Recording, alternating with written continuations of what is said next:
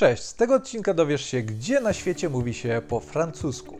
Nie będę mówił o Francji, bo jest to oczywiste, opowiem o krajach, w których e, obecność języka francuskiego może być e, trochę zaskakująca. Język francuski jest językiem urzędowym e, w 29 krajach. W Europie francuski jest językiem urzędowym tylko w 5 krajach. Poza Francją jest to Belgia, a konkretnie jej południowy region, czyli Walonia i region stołeczny Brukseli, gdzie francuski miesza się tak pół na pół z flamandzkim. Kolejnym krajem jest Luksemburg, gdzie francuski jest e, myślę, że na pierwszym miejscu, jeśli chodzi o, o częstość używania tego języka, przed e, niemieckim i luksemburskim.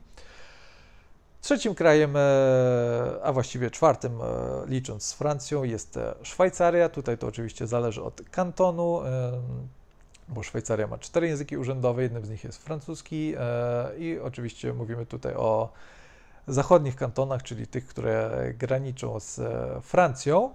I ostatnim krajem jest Monako. Jeśli chodzi o Afrykę, to tutaj mamy zdecydowanie najwięcej francuskojęzycznych krajów. Jest to oczywiście efekt kolonizacji nie tylko przez Francuzów, ale również przez e, Belgów, e, głównie w Kongo. I tutaj przykładami e, krajów są Demokratyczna Republika Konga, Gabon, Gwinea, Madagaskar, Mali, Niger, Senegal. Tutaj francuski jest językiem urzędowym. W ramach ciekawostki warto wspomnieć, że stolica Demokratycznej Republiki Konga, czyli Kinshasa, jest największym na świecie francuskojęzycznym e, miastem i e, wyprzedza aglomerację paryską, która jest na drugim miejscu. Natomiast na trzecim miejscu jest e, inne afrykańskie miasto, czyli Abidjan, stolica Wybrzeża Kości Słoniowej. W Afryce są też inne kraje, gdzie francuski nie jest językiem urzędowym, ale jest dość często używany.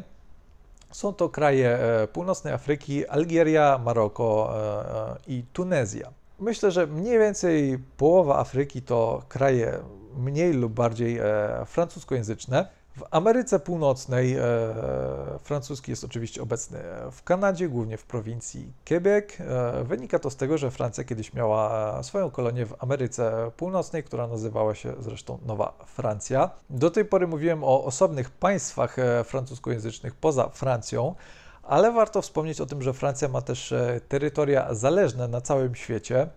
Są to tak zwane dom-tomy, czyli w tłumaczeniu departamenty i e, terytoria zamorskie.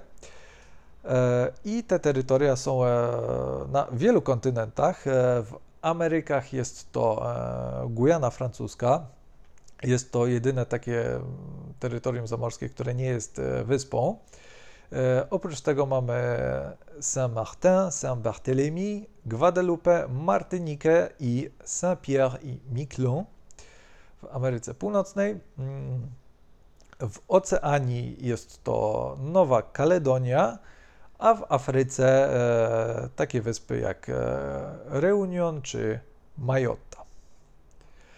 W Azji nie ma w tym momencie żadnego francuskojęzycznego kraju, ale jakiś czas temu wyglądało to trochę inaczej, e, bo Francja miała swoją kolonię w, w Azji, były to Indochiny, czyli dzisiejszy Wietnam, Laos i e, Kambodża i wtedy francuski e, był dość popularny e, na tym obszarze. Dzisiaj szacuje się, że tylko kilkaset tysięcy ludzi w tych krajach zna francuski. Są to z reguły starsze pokolenia, więc Azja wydaje się jedynym kontynentem, na którym nie ma kraju francuskojęzycznego. To już wszystko, co przygotowałem w tym odcinku. Mam nadzieję, że było to dla Ciebie ciekawe. Jeżeli chcesz dostawać regularnie więcej takich e, informacji i ciekawostek, zachęcam Cię do subskrybowania tego kanału. Do zobaczenia w kolejnym odcinku.